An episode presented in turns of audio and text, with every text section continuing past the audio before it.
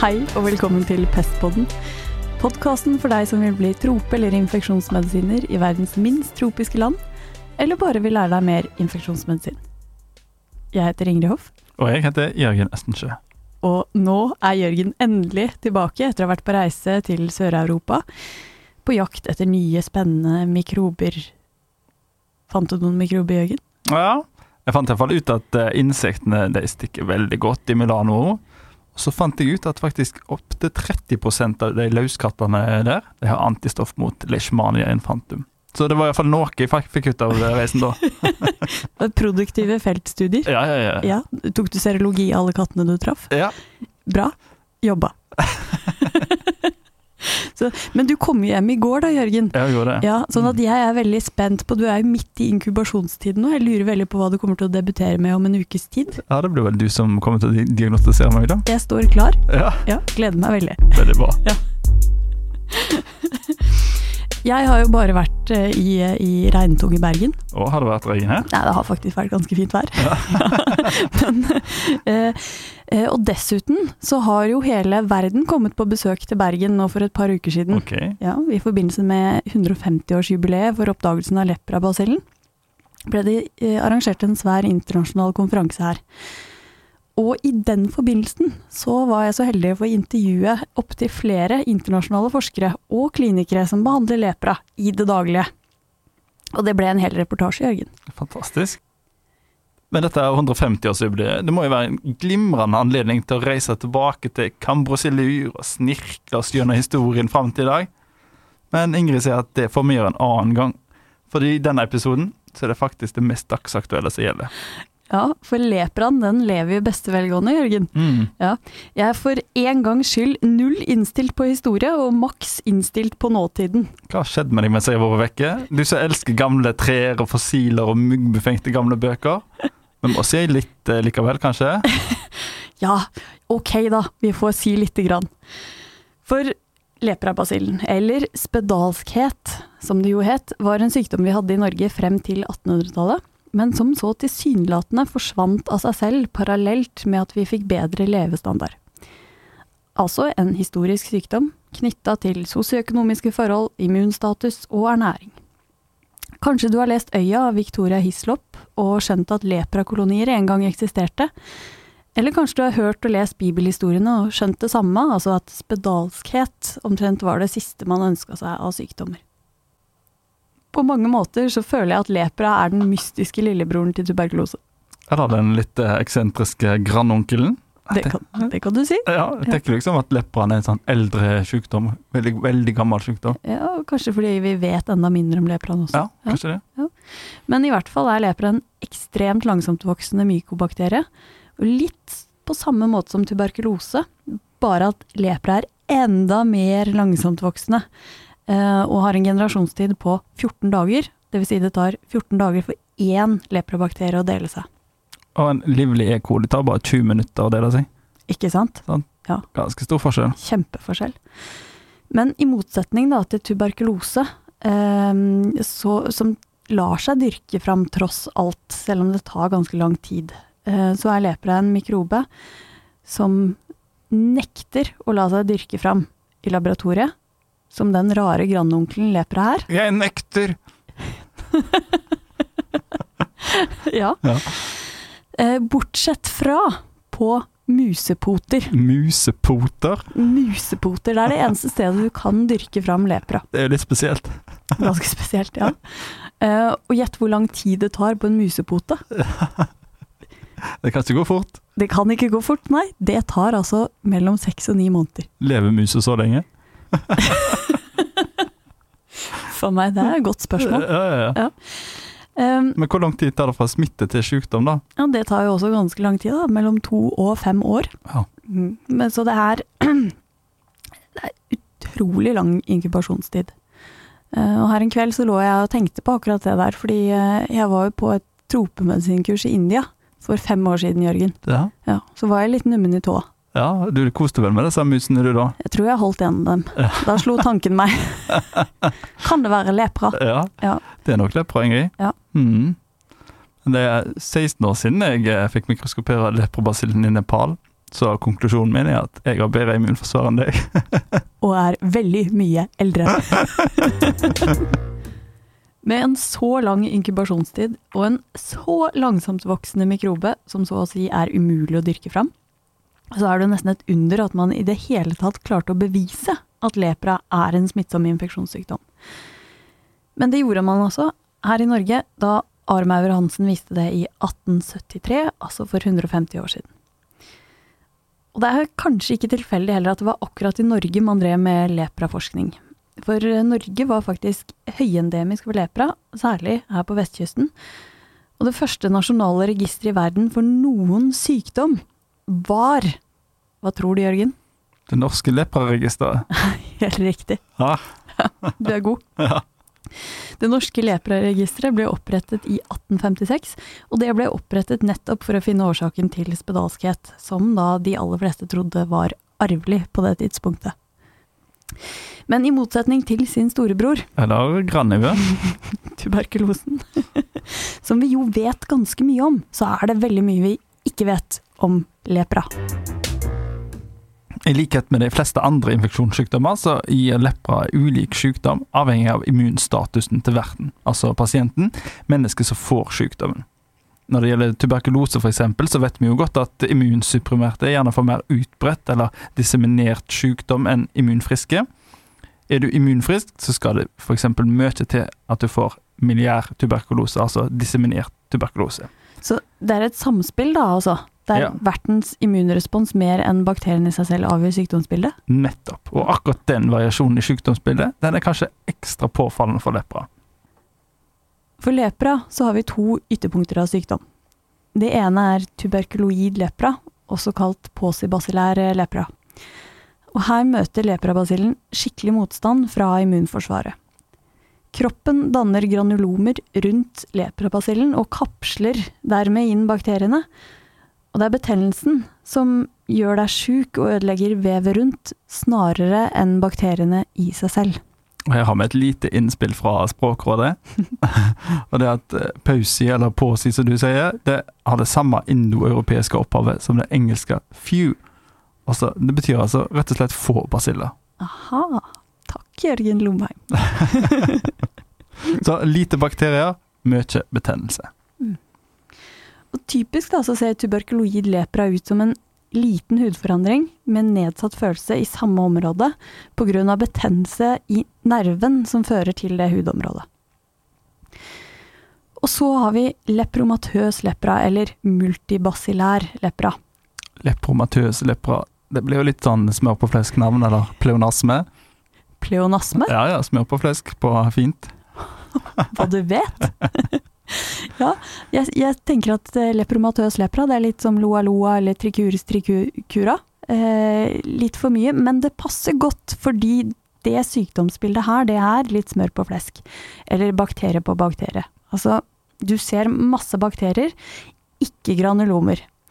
Eh, og det er mer det bildet man kanskje husker fra historiske lærebøker, der eh, pasienten får diffuse knudra hudforandringer eh, overalt, også i ansiktet.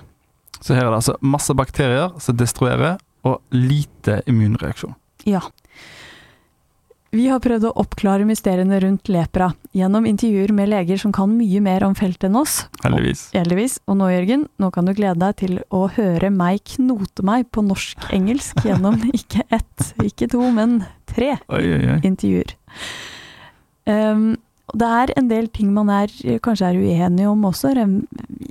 Ref disse her kunnskapshullene, så vær oppmerksom på det i denne episoden. Og det er mange ting det ikke finnes konsensus eller eh, to streker under svaret på.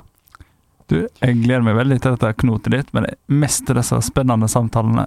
For det er jo ikke akkurat hvem som helst du har fått med deg, Ingrid. Nei, det er ikke hvem som helst, Jørgen.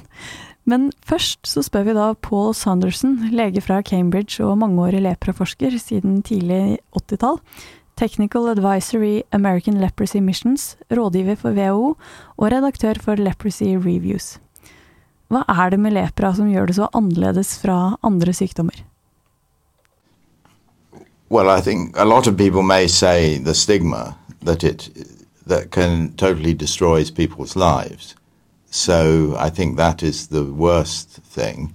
I mean, obviously there are certain clinical features that are, and the immunology is very unusual, and the, the clinical features are unusual.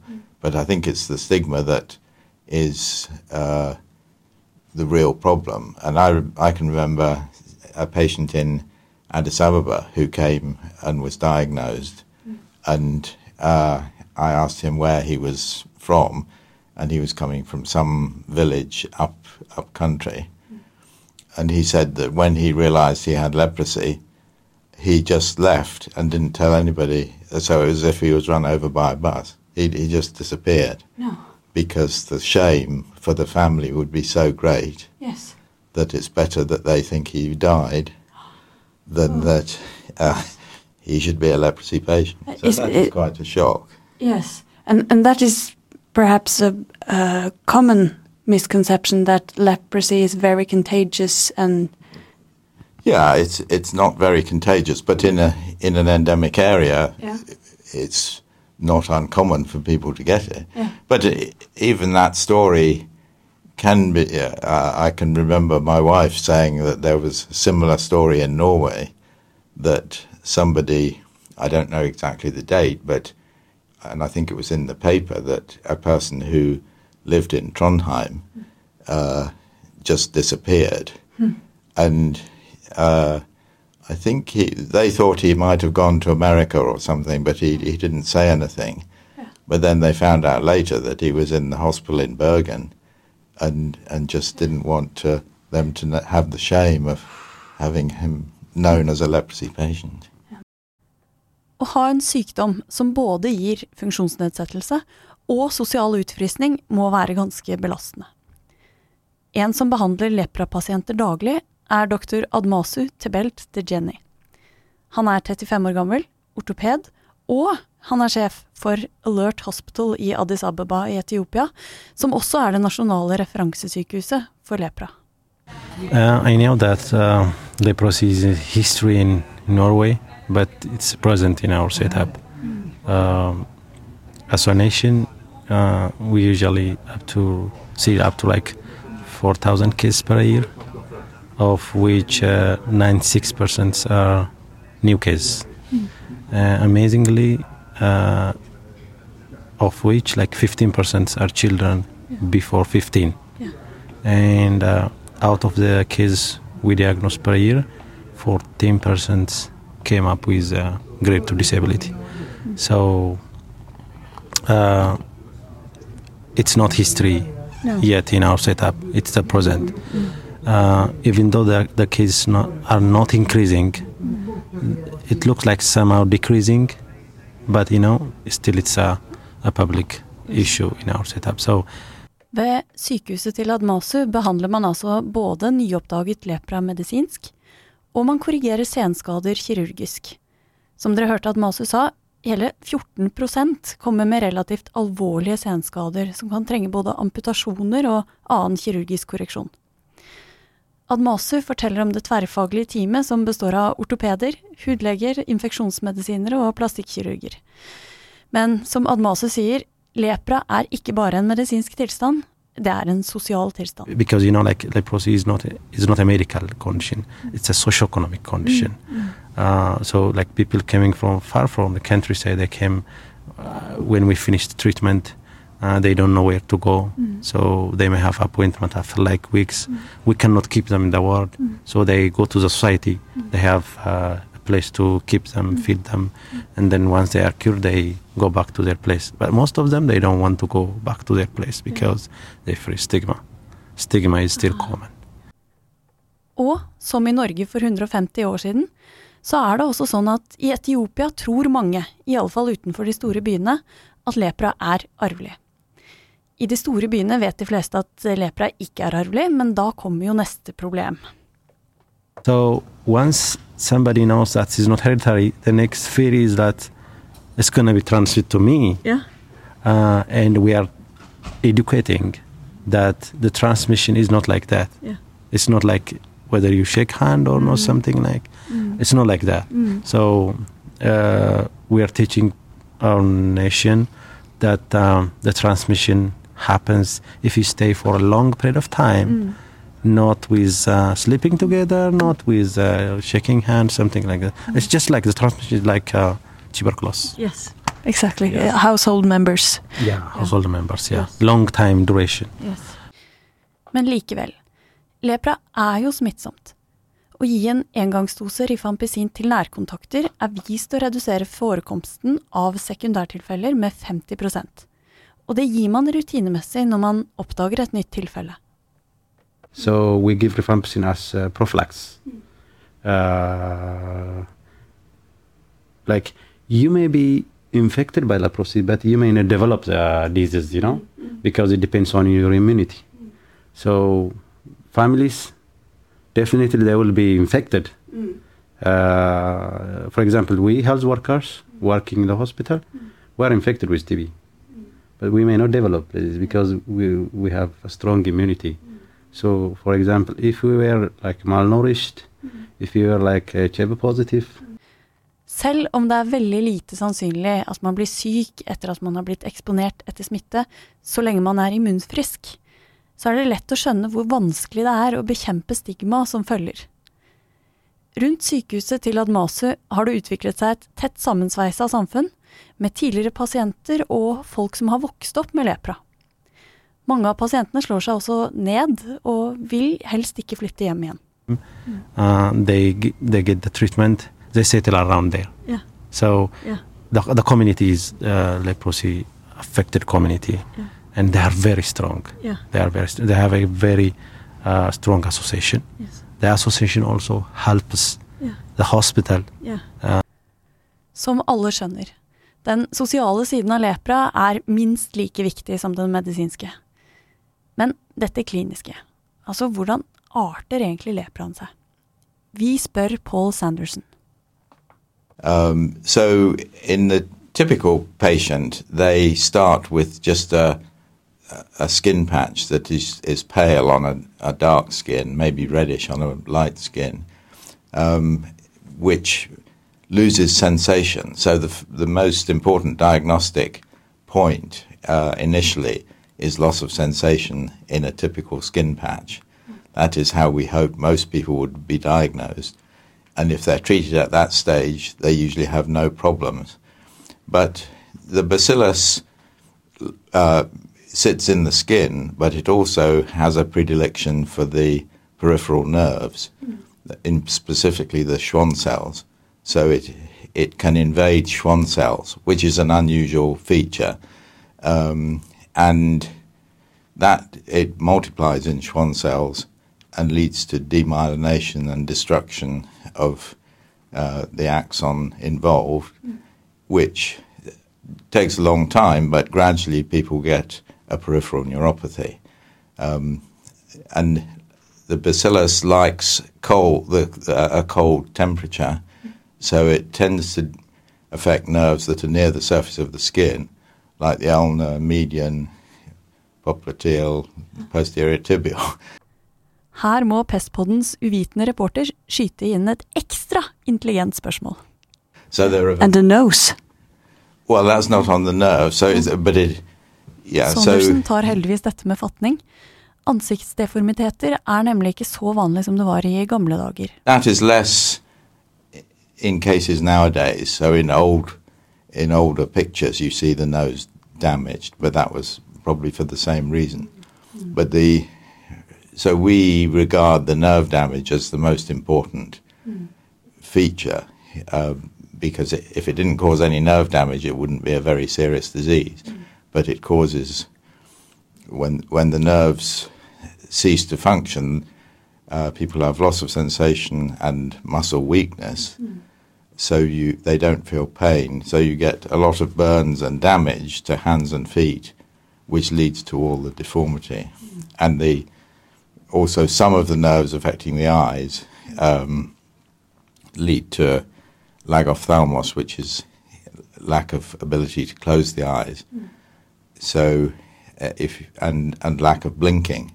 So if you don't blink and don't close your eyes much, you get continual damage to the cornea. So many old cases that were not treated just were blind from corneal ulceration. Um, so there, uh, we fortunately don't see the most severe damage nowadays uh, that you we used to see, but um, certainly the damage to hands and feet can be a major problem.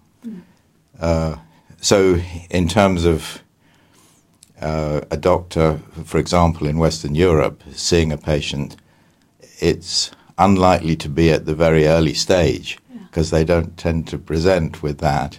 Uh, you you find those patients if you go looking for them in endemic areas, but in in Europe, mostly people present with some sort of disability or a peripheral neuropathy. So they may have been to many doctors, and if they have a skin lesion, uh, it may be diagnosed on a skin biopsy. So you may have a person with odd symptoms do a skin biopsy, and it comes back as leprosy. Yeah. So that's in in London where they see a few cases. That's the typical way yeah. to be diagnosed. For en lege i Norge er jo det greit å vite, dette her med at man kan diagnostisere ved en biopsi. Men, forteller Admasu, det er ikke slik man diagnostiserer lepra. Det er en spot-diagnose. Noe man lett kjenner igjen. But you see so much of this that you, you recognize it Yeah. immediately. Immediately, yeah. Yeah. Immediately. The dermatologist, they know it. Yeah. Even not the dermatologist, even the other, the general practitioners, the nurses, the other others, they know it. But Yeah. just you, it's a spot diagnosis, you know. Denne spot-diagnostikken er litt uvant for en som er vant til all verdens biopsier og PCR og medisinsk-tekniske støttehjul. Kan man virkelig være så sikker på en spot-diagnose? No, that you can be very confident because there are there are what we call three cardinal signs. One of which is a loss of sensation in a skin patch and enlarged peripheral nerves with a with an effect in those peripheral nerves, a neurological uh, damage, and then the skin smear. But uh, either any of those three is enough to diagnose leprosy. So if you really saw a typical skin patch and there was loss of sensation, Yeah. you would treat with le- for leprosy. Yeah, yeah. In an endemic area. Yeah. yeah. Yeah. Men uh, unge doktor Hoff her er altså redd for å støte på en pasient med lepra i et ikke-endemisk område, og vil gjerne ha forsikringer på at det går an å gjøre PCR for å sikkert dokumentere diagnosen. Jeg prøver meg igjen, jeg, på å ta en imaginær hudbiopsi for å verifisere Ok. diagnosen. Or where, where do I take a skin biopsy? Uh, I send it to the local pathologist to look for granulomas or uh, Yeah. acid-fast bacilli. Yeah. Uh, and and then I want to do a PCR. Do you know where I, where can I send it to? Ah, well, yeah, I'm not an expert on PCR, so you, you may have to. Where do you send it to? I don't do it because I can diagnose it clinically. uh, so in an, in endemic areas, mostly they're actually trying to set up these diagnostic pathways. Yeah. So Sundeep, whom who was uh, also speaking today, he is working on setting up this network of places that can do PCR for five or six neglected tropical diseases. Uh, in, and so they're starting in West Africa, which has a lot, has leishmaniasis, borreliose, yaws, uh, lymphatic filariasis, and leprosy. So he can diagnose all of those on his one PCR machine. Yes. That's amazing. Yeah, Yeah. yeah. Saunderson refererer her til en multiplex PCR som er under utprøvning i Vest-Afrika. Ikke bare til diagnostikk av lepra, men også flere andre neglisjerte tropiske sykdommer. Og det kan faktisk være et godt hjelpemiddel med pasienten pasientnær PCR, for selv om Saunderson og Admasu begge lett kan stille diagnosen, så forteller Admasu at det er fort gjort for helsepersonell som ikke er vant med lepra, å overse lepra. nurse or health officer or untrained general practitioner or even other doctors who doesn't know about uh, how to detect leprosy, uh, patients will be missed. They will develop uh, disabilities. But uh, in alert, since uh, this is a national dermatology center, uh, uh, we see like uh, 750 cases per day. Jeg håper at dere henger med. Til nå har vi lært oss klinikken og diagnostikken av lepra. Behandlingen er også ganske rett fram. Fra 1940 behandlet man med Dapsone, før man fra tidlig 1980-tall gikk over til trippelbehandling med Dapsone, Rifampicin og Klofasimin. So far, so good. Vi har diagnose, vi har behandling. Men det er mer vi må kunne. Til stadighet hører jeg nemlig folk rundt meg nevne dette med the reactions som kan oppstå under behandlingen, og som også må behandles parallelt. Hva er egentlig disse reaksjonene, spør jeg Admose. Then people get this kind of reactions, and I haven't understood what that is. Yeah. Uh, by the way, leprosy reaction Mhm. is one of the differential diagnosis. So, uh, Differential patient, yeah, diagnosis yeah. Yeah. So when you see the patient at, at the same time, at, at first time, he may be in the reaction. Okay. Yeah. So when we say reaction, uh, uh, patient may develop before treatment, during the treatment, or after the treatment. The reaction is is because of uh, intense inflammatory reaction against the dead bacilli. So your immunity can fight and kill some of the bacteria. So our body will uh, develop uh, uncontrolled inflammation uh, for that bacilli. Uh, when you have treatment, the, the, drug will kill bacteria, and then uh, your, your your immunity develop reaction. That reaction we call it uh, leprosy reaction. Yes. So there are two different kind of reactions: type one and type two. Type two is uh, more of severe. Type one is more of uh, it can be recovered. So we usually uh, identify uh, as type one or type two, and then type one can be uh, treated uh, as an outpatient.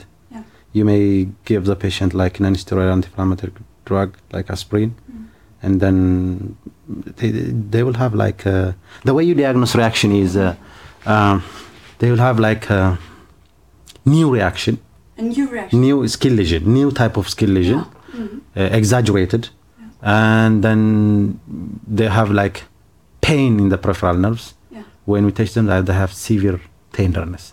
That's the sign for reaction. Ah. Okay. Yeah. Then uh, you have to manage reaction because it's going to uh, lead your patient to develop disability, more nerve damage, more ulcer. Because the accelerated inflammation. Yeah, Yeah. yeah, Yeah. That's not good for the nerve. Yeah. So you have to treat it to decrease um, uh, nerve damage. Not uh, it's it's not a life-threatening condition. It's Even type two, yeah, if it- yeah, it's not life-threatening. I, I I I didn't see such kind of thing. So uh, I mean, like life-threatening leprosy reaction, I didn't see before. So it's not life-threatening. It's uh, nerve-threatening, by the way. Yes. So pe- Yeah. pe- like uh, patients will develop ulcer, they will uh, develop nerve damage, they will develop later contracture, deformity, they will be disabled. Yeah. So we treat reaction to decrease uh, disability. So type one usually you can uh, treat them like outpatient, outpatient, giving them an non-steroidal anti-inflammatory while continuing the drug treatment. Yeah. Uh, but if patient is underaged, overaged, if patient has malnutrition, uh, pregnant, uh, sometimes for social reason we may admit him. At that time, uh, we may give them like corticosteroids Yes. to suppress Yeah. the inflammation. But type 2 admitted, that is a more severe one. Yeah. So these are what reactions mean. And, and what are the type 2? The type 2 uh, reaction is uh, they have like systemic manifestation. Mm. Uh, they have arthralgia, myalgia, even they may, may have like renal complications, some, some, some, something like that. So And it's more of, yeah, Fever and. yeah, they will have fever, Yeah. they will have headache, arthralgia, myalgia, they will have like a, a systemic manifestation to organs may be affected. So you have to admit this kind of patient, resuscitate them well, do bed rest, and manage the pain, and then do like intensive cort- corticosteroid treatment to reverse. Yeah. This is a more severe reaction. Yes. So, You- you, you- you also have the worsening of the lesions and the nerve pain. yeah, Yeah. everything, the reaction will be characterized with new aggravated skin lesion, um, more nerve damage. So, patient will have severe pain. Yeah. A new characteristic pain Yeah. will develop new characteristic pain. So that's out how you identify reaction. And then they are admitted, admitted and given steroids. They will be given steroid, but you will not uh, discontinue the uh, multi-drug uh, therapy. Yeah. That's the main, the, the, the backbone of the treatment of leprosy. En mann som har gjort eh, enormt mye for lepraforskningen, og som også fant ut hva disse reaksjonene egentlig dreier seg om, er Tore Godal. Vi var så heldige å få intervjue han, og her må vi faktisk stoppe opp litt for en skikkelig introduksjon. Tore Godal ble beskrevet i The Lancet som A Quiet Colossus of Global Health. Han startet karrieren med lepraforskning nettopp i Etiopia, der Admaso jobber, og siden dette så har han ledet og startet Gavi, jobbet i WHO, og ifølge noen forsiktige estimater indirekte reddet sånn bortimot 13 millioner menneskeliv. Eh, det er med ganske mye eh, respekt og eh, ærefrykt jeg sitter her i det intervjuet som reporter fra verdens minste mediekanal, altså Pestpodden. Tusen, tusen takk for at du ville snakke med oss. Ja, nei, bare hyggelig. Absolutt. Du har vært med i lepraforskningen helt fra start. Hva var det med lepra som gjorde at du ønsket å forske på det? Nei, det var jo først og fremst at eh, etter å ha tatt doktorgraden, før jeg hadde fullført med medisinerstudiet, så eh, ble jeg spurt av min opponent, eh, Morten Harbo, om jeg ville da etterfølge han til å bygge opp dette instituttet, Armarhausen forskningsinstitutt på spedalskhet i Addis Abeba. Og han sa at han ville bare dra dit og starte hvis jeg vil komme etterpå. Og det var da fristende.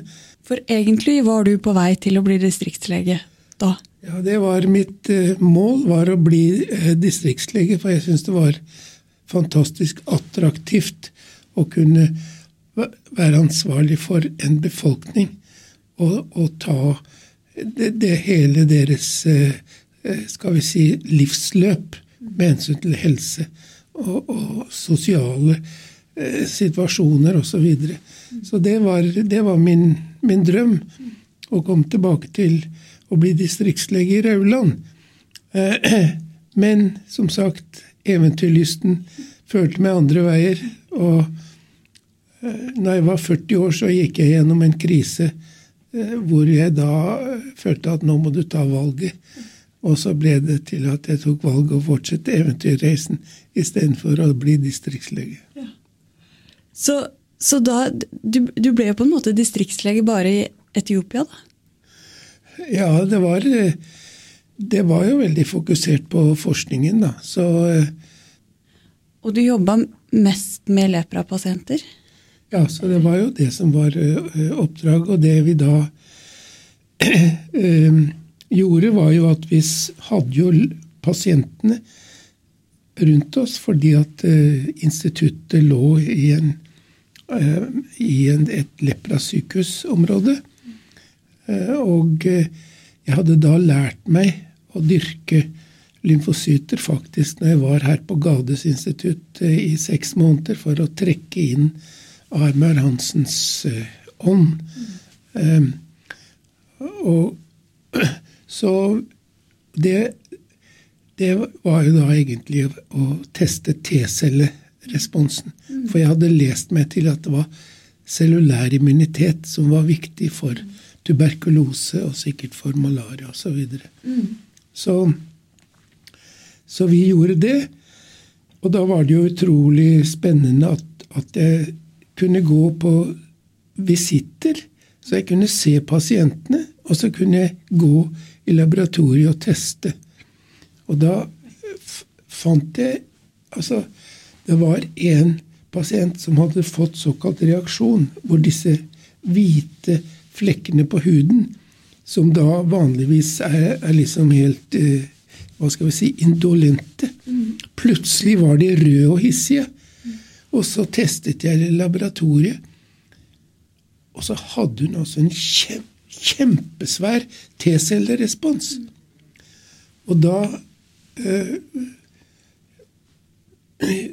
undersøkte øh, mange pasienter som hadde sånn, og alle hadde en høy reaksjon. Og da formulerte jeg da den hypotesen at leprabasillene skjuler seg inn i nervene. Også der er de jo beskyttet fra immunapparatet. Men altså, noen ganger så slår immunapparatet likevel til, og, og så får du denne eh, betennelsen i huden og i nervene. Og, og det er da de får sånne akutte attakk av lammelser. Ja. Så, eh, så vi, vi kunne altså vise at, eh, at da denne reaksjonen skyldtes en immunologisk respons til basillen. Ja. Eh, og så kunne vi også vise at eh, de som da fikk eh, altså lepromatøs lepra med massevis av basiller, der var det en selektiv defekt i T-celleresponsen.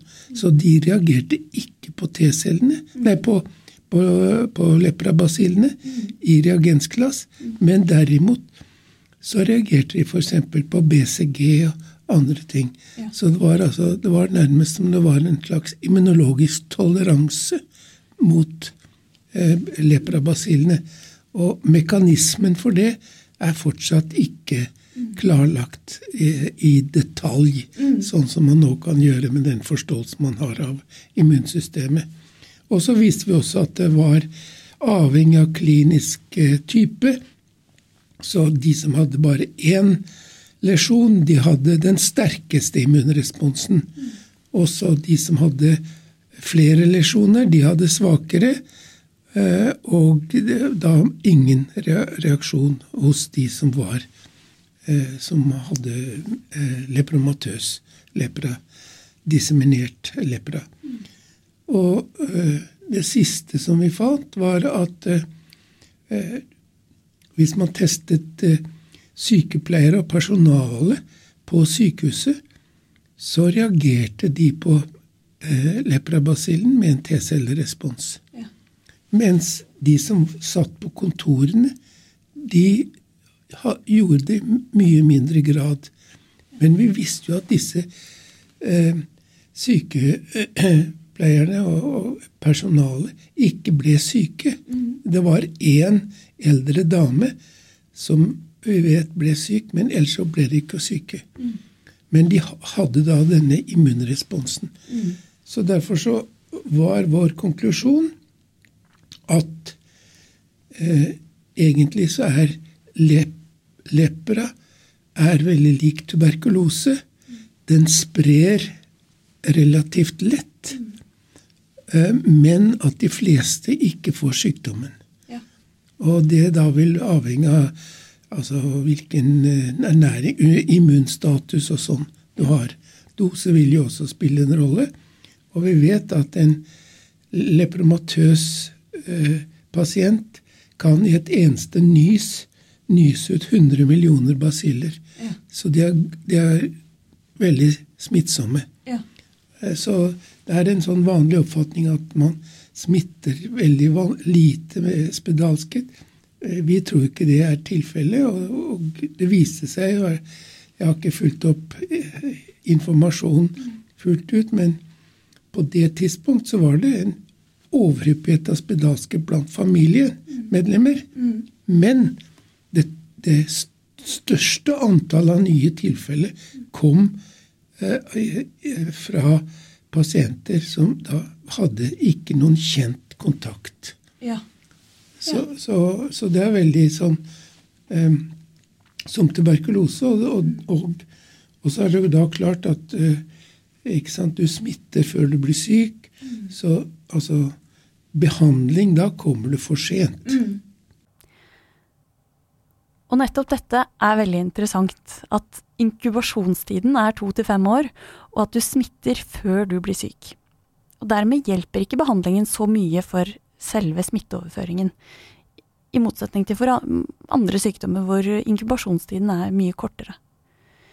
Men er du først rammet av lepra, så er behandlingen heldigvis veldig effektiv. Og det er faktisk en av de tingene vi kan takke Godal for også, for han var med på å få innført trippelbehandling, eller det vi kaller MDT, multidrug therapy, på starten av 1980-tallet.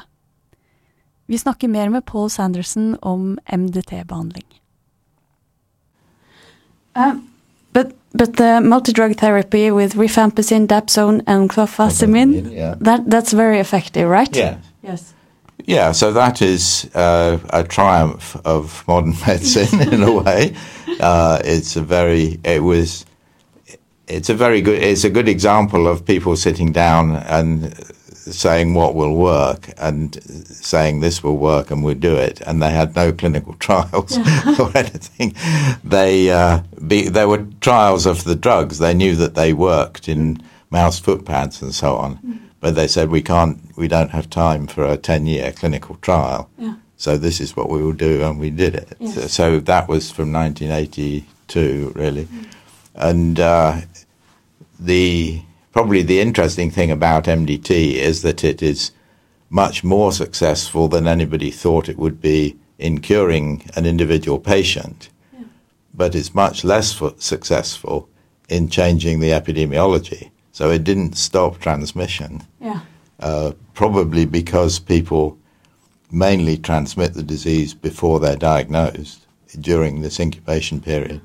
Uh, so most of their contacts probably have already been infected if they're going to be before they're diagnosed and get treatment. And the incubation period is so long. Yeah, so uh, on average, maybe five years, but but often longer. So yeah, and then if you're uh, so if you're infectious for the last year or two of that period without any signs and symptoms, you're infecting a lot of people. Yes. But uh, but there is isn't there any problems with re- resistant? I would imagine if you have an illness like lepra where you can't um, grow it on uh, standard media Yeah. and you have to do mole- molecular Tests, yeah. tests to find like RPOB and Yeah, all the mutations associated with it, resistance.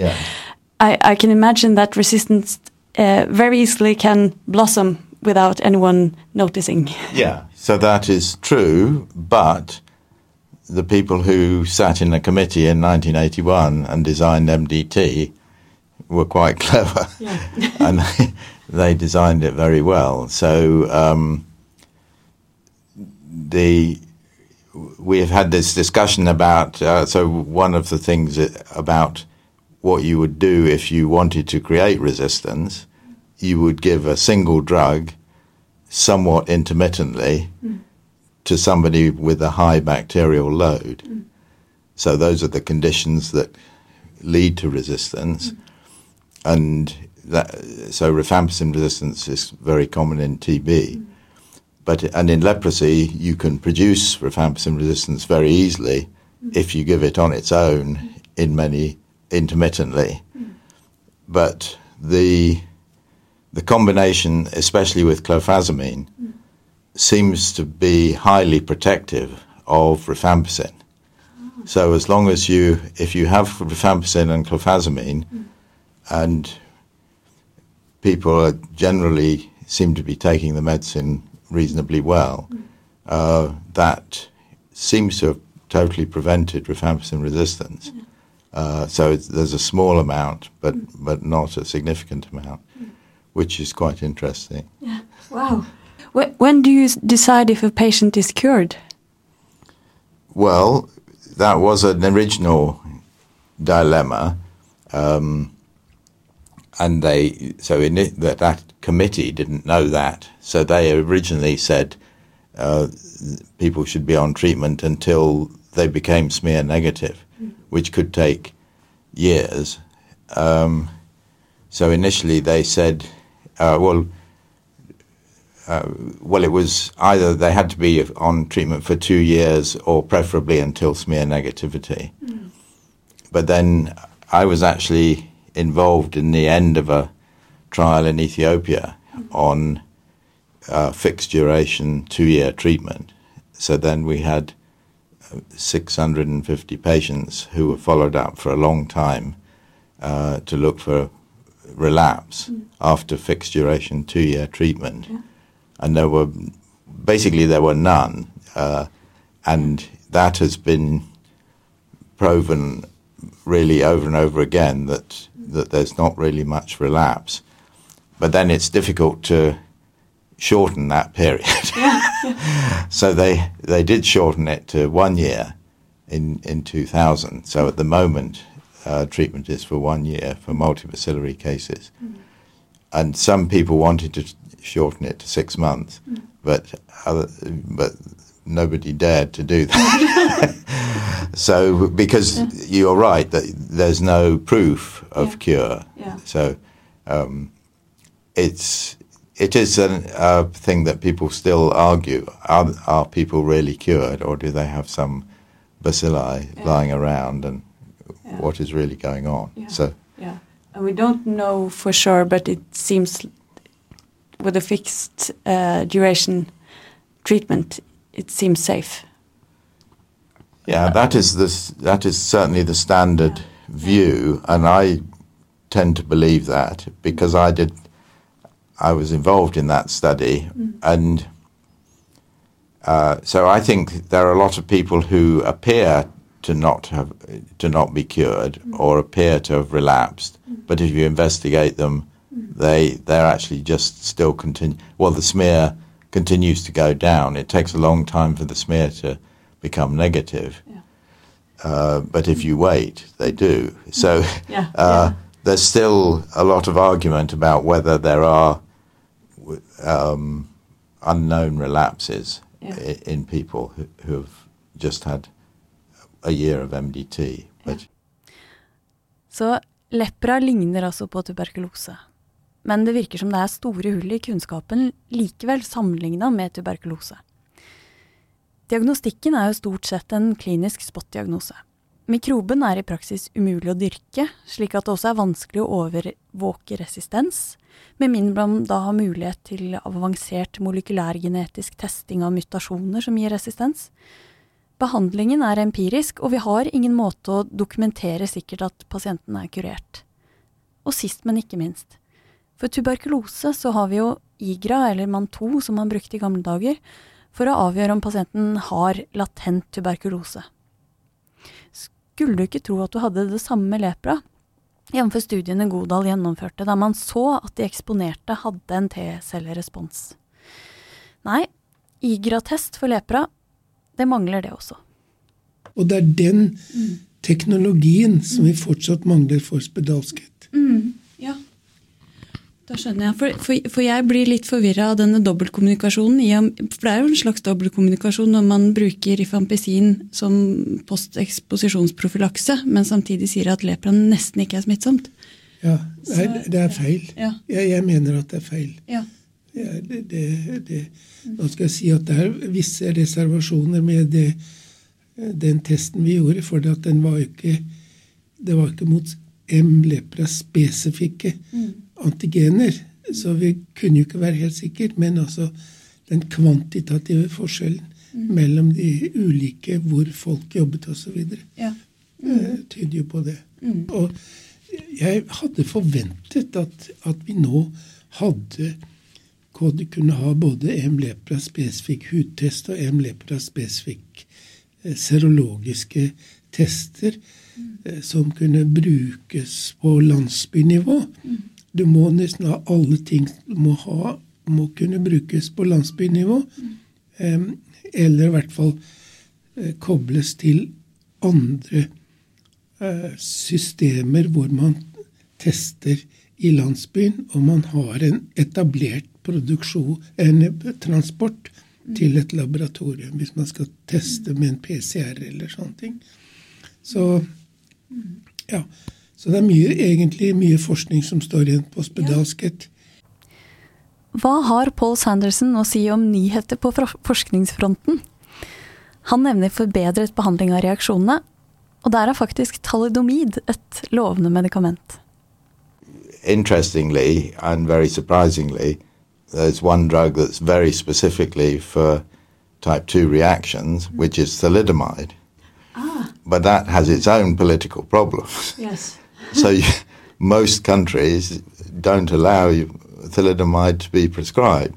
So you have um, most people who have that reaction are not allowed to have the treatment that would help them Really, yes. because you can't get it. Yeah. So um, both India and Brazil, well, Brazil manufactures thalidomide for that purpose, so it is allowed, and India also, I think. So, but then people are looking for alter- newer drugs that may be as effective, but don't have the same side effect as thalidomide. But uh, that's a a complicated thing to manage. Yes. Uh, Paul Sanderson forteller videre at det finnes en vaksine, Lepvax, som er under utvikling, som man tror kanskje kan dempe eller kanskje helt forhindre reaksjonene. Well, if this vaccine actually prevented mm. some of these reactions, which is only a small, I mean, that's just a hope Yeah. with a little bit of evidence. But if it actually worked, it would be a very big advance, mm. even if it weren't helpful in prevent in stopping transmission. Yes. If it stopped reaction, For i likhet med andre neglisjerte tropiske sykdommer, så er det ikke lett å drive med lepraforskning, og Lepvax er foreløpig bare på dyreforsøksstadiet, selv om det har vist seg å fungere hos beltedyr, altså armadilloen. yeah. So in the armadillo, it seemed to alleviate and prevent nerve damage. Yes. which is, is only a small ray of hope. But if it, Yeah, but it's y- you should build on it. Yeah. Yeah. Så hvor raskt tror man at Lepvax kan komme på markedet? If we got it in this decade, it would be good. Yes. Tempoet på forskningen matcher altså delings- eller generasjonstiden til lepra. Veldig treg. Med så mange kunnskapshull og så treg forskning, så virker det jo litt vanskelig å eradikere lepra.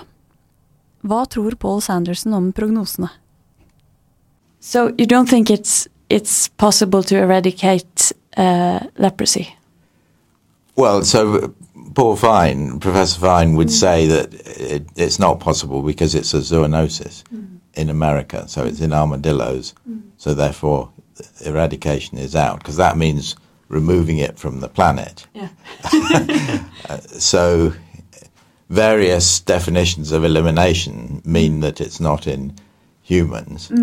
And I, also, for me, the most important thing is that with smallpox, smallpox was eradicated from the United, the Western Hemisphere a hundred years before it was eradicated in the rest of the world. So you can you can go country by country, and a lot of the a lot of the world could be leprosy free, and a lot of individual districts and so on in many countries could be leprosy free, so that you narrow down the areas where it occurs. And I think so.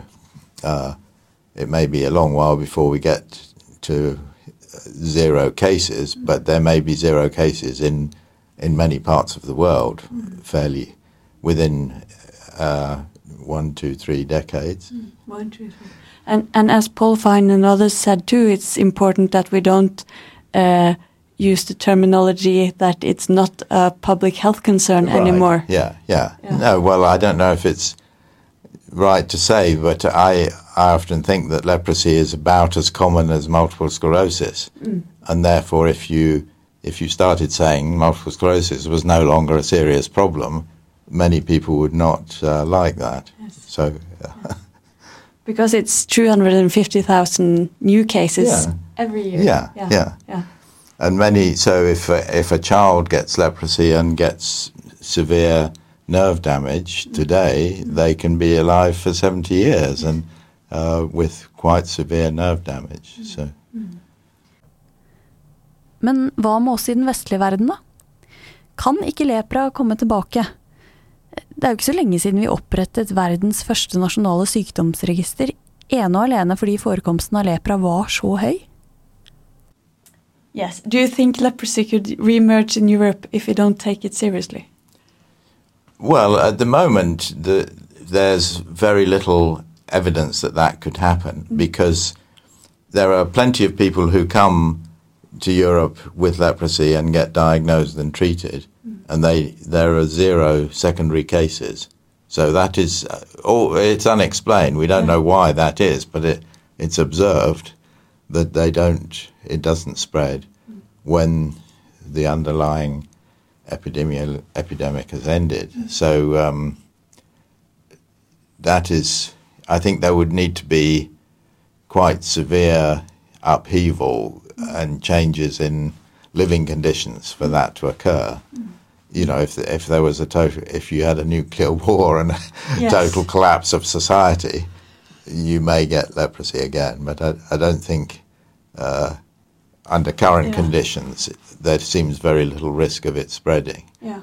Hmm. which means that so countries where it, it doesn't occur, they don't need to take particular measures to uh, or legal measures to hmm. control people with leprosy. Hmm. They, they should just diagnose them and treat them, and that's enough. Yes. Yes. Yeah. Yes.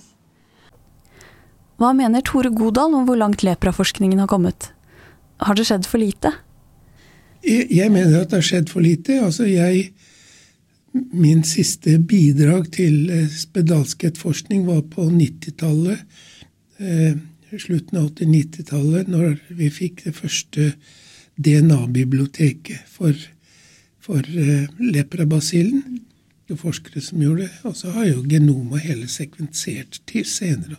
Så altså at ikke fra det tidspunkt til i dag, altså over ja, på 25 år, man ikke har funnet fram til bedre eh, testing av de som er smittet, men som ikke er syke. Det, det er overraskende for meg. Og for å heve blikket litt, hva kan lepra, som jo er en underlig sykdom, hva kan lepraen lære oss om immunforsvaret og andre infeksjonssykdommer? Når eh, jeg var i da i Etiopia 70-73, så ble altså spedalskhet ble en modellsykdom for hvordan det er immunsystemet som da avgjør hvilke klinisk form. Så det, det er en sykdom i et spektrum av kliniske former. Og så, og så da avhengig av immunsystemets eh, reaksjonsevne, så bestemmer det hvilken sykdom du får. Enten det er da subklinisk eller eh, klinisk begrenset eller disseminert. Og når jeg først sitter her med selveste Tore Godal, så klarer jeg jo ikke å la være å stille de veldig store spørsmålene rundt global helse, som ikke bare har med lepra å gjøre. I 2019 var nemlig Tore Godal gjest i FHI sin podkast Folkehelsepodden, og der ble han spurt om blant annet hva vi burde frykte i fremtiden. Svaret var pandemi. Det var i november 2019 at akkurat den episoden ble spilt inn. Med andre ord var han skummelt klarsynt. Alle ting tyder på at vi kommer til å få pandemier hyppigere enn eh, det vi har eh, hatt til nå. Og derfor så må vi være forberedt på det. Og hvis du ser hvordan verden og landene har reagert på når det har vært tidligere eh, slike pandemiske utbrudd, så blir det panikk i begynnelsen. Og så eh, etterpå så gjør man ingenting for å forhindre neste utbrudd. Og fordi at det, det er andre prioriteter for, politikk, for politikerne og sånn. Og nå er vi i en kritisk situasjon. Det er mange eh, forslag om hvordan vi skal forhindre neste pandemien, men midlene til å gjøre det som trengs, det strander det på. Så eh, dessverre så er jeg, jeg er alltid optimist, men jeg er ikke optimist med hensyn til at vi skal få til å satse på å forebygge neste pandemi i den grad det trengs. Hva med klimaendringene? Vil det kunne påvirke risikoen for infeksjonssykdommer? F.eks. da vektorbårne sykdommer som malaria er i ferd med å spre seg til områder som tidligere ikke eh, malariamyggen eh, kunne formere seg. Så det er en absolutt eh, fare. Mm. og så er det det med at eh, klima pluss befolkningsveksten vil gjøre at eh, man kommer nærmere Det blir nærmere, nærmere kontakt mellom dyr og mennesker. Og ville dyr og mennesker. Og siden de fleste eh, pandemiene oppstår som et resultat av at det er smitte fra et, eh, et dyr, ikke minst fra flaggermus eh, opprinnelig, så, så er det også noe som gir økt fare for eh, pandemi. Eh, Men jeg tror, hvis jeg skal eh, tippe, så vil jeg tro at neste pandemi sannsynligvis vil være en influensa. Og vi kan nå arbeide aktivt for å forhindre influensa ved å prøve å utvikle et mer Altså vaksiner som tar alle Eller tar en mye bredere spektrum av, eh, av eh, virusstammer. Eh, slik at, eh, at det er mye spennende forskning eh, som, som nå trengs å gjøres.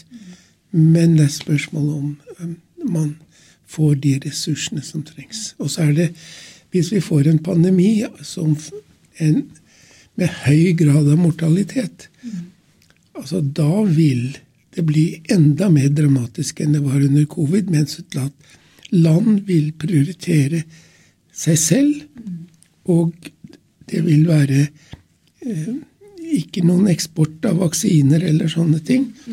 Så, så der, der, eh, der det vil Da vil det bli eh, en al mer alvorlig situasjon av handelsblokader, eh, som vil gjøre det eh, veldig vanskelig Ja. hvis man ikke da har en egen kapasitet. Eh, Man kan ikke være selvforsynt. Et lite land som Norge kan ikke være selvforsynt. Men vi vil kunne også da mer bidra inn i et europeisk samarbeid som var som Det var på den måten på nære nipp at vi fikk en vaksine, men vi fikk den gjennom EU, EU, egentlig. Så, så det gjelder å ikke holdt på å si, ligge på laurbærene og slappe av eh, og slutte å forske på noe, selv om eh, situasjonen er rolig akkurat nå. Helt riktig. Helt riktig. Dette var jo en ganske brei og vidløftig avsporing fra det opprinnelige intervjutemaet, som var lepra. Men hvis vi tenker litt større, så handler det jo om akkurat det samme. At vi ikke skal glemme sykdommer, selv om de ikke affiserer oss akkurat her, akkurat nå. Og en som ikke hviler på laurbærene, det er Admasu Dejene. Så jeg tenker at Admasu skal få avslutte episoden. Uh, hopefully, like, uh, uh, like in five, seven years, you will hear like uh, there is no leprosy in Ethiopia, and then we are going to close our leprosy hospitals. There will be history, like yours. Yes, in five to seven years, that's a short time.